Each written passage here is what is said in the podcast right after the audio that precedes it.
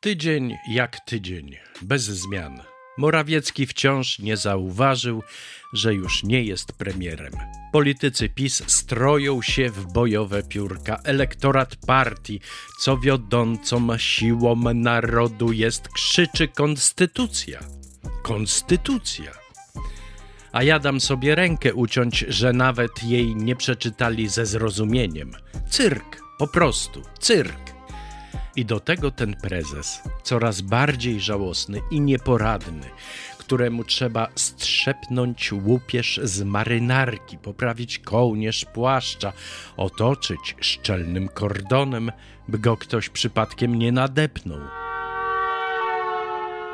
Prasówka tygodniówka pod redakcją Tamary Olszewskiej od 5 do 11 lutego 2024 roku. Czyta Piotr Sobieski. Nasi parlamentarzyści to mają naprawdę ciężkie życie. Są tak zapracowani, zabiegani, że nie mają nawet czasu, by wziąć udział w obradach Sejmu. Pojawiają się w nim właściwie tylko, gdy mają ochotę porzucać mięsem, czy akurat trzeba coś przegłosować. Dla przykładu.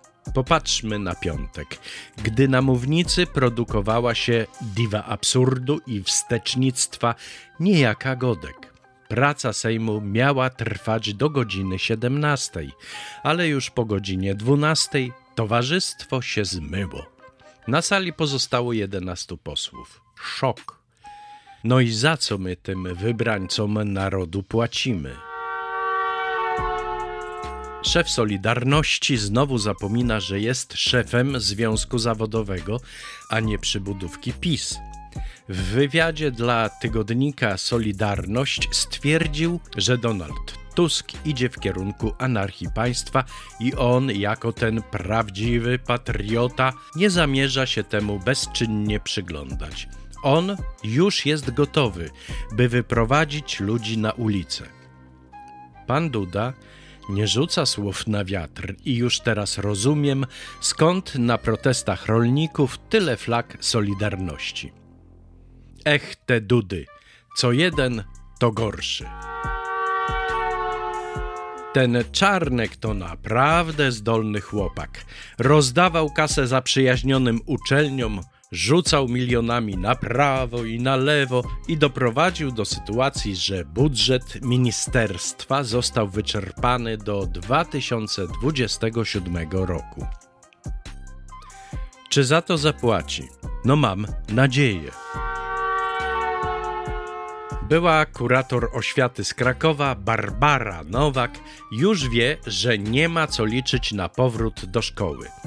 Zapewne i nauczyciele, i uczniowie daliby jej nieźle popalić za wszystko, co uczyniła na szkodę edukacji, więc będzie startowała do małopolskiego sejmiku.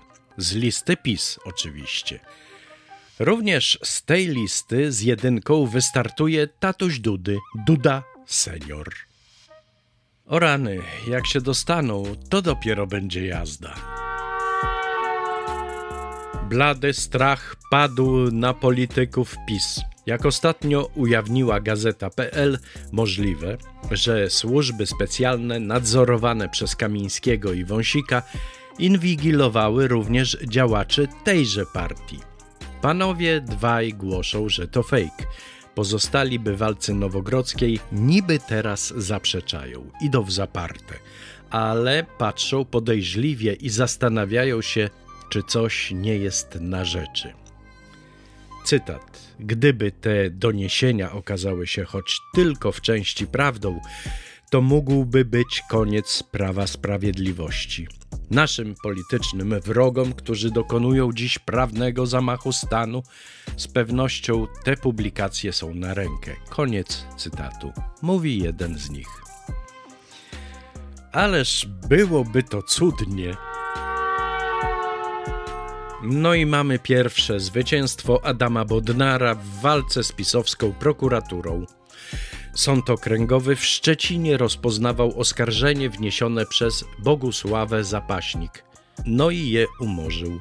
Uznał bowiem, że w czasie wnoszenia aktu oskarżenia nie była ona prokuratorem w stanie czynnym.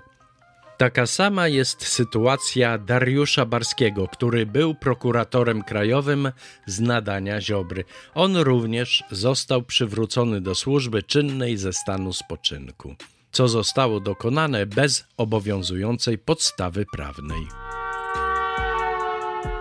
Duda z małżonką, Agatą Milczącą, ruszył na podbój Afryki. Jego serce szczególnie uradowała wizyta w Kenii, gdzie od lat pozarządowa Fundacja Polskie Centrum Pomocy Międzynarodowej pomagała w tworzeniu kenijskiej Straży Pożarnej. Duda nie mógł więc odpuścić sobie centrum szkoleniowego w Kiambu pod Nairobi, powstałego właśnie dzięki fundacji i chwalił się, jak to Polska Kenii w tym zakresie pomaga. Jakoś umknęło jego uwadze, że w ubiegłym roku MSZ zakończył finansowanie tego projektu, bo trzeba było rozdać kasę swoim. No cóż, może Kenijczycy mają krótką pamięć i już o tym zapomnieli. Prezes ma nowy pomysł, którym zamierza kupić sobie miłość swojego elektoratu po grup. Jak donosi jeden z polityków PiS, zamierza on złożyć wniosek o delegalizację wszystkich partii, które uczestniczą w zamachu stanu. Ma być on skierowany do Trybunału Konstytucyjnego.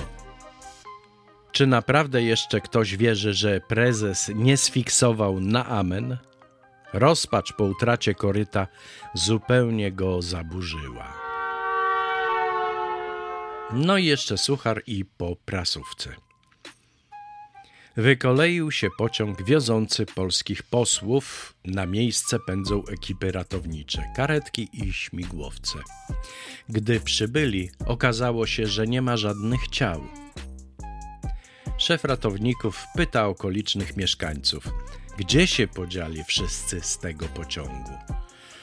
Pochowali Wszyscy zginęli co do jednego – no, niektórzy mówili, że jeszcze żyją, ale kto by tam, panie, politykom wierzył? Była to prasówka tygodniówka pod redakcją Tamary Olszewskiej. Czytał Piotr Sobieski. Do usłyszenia.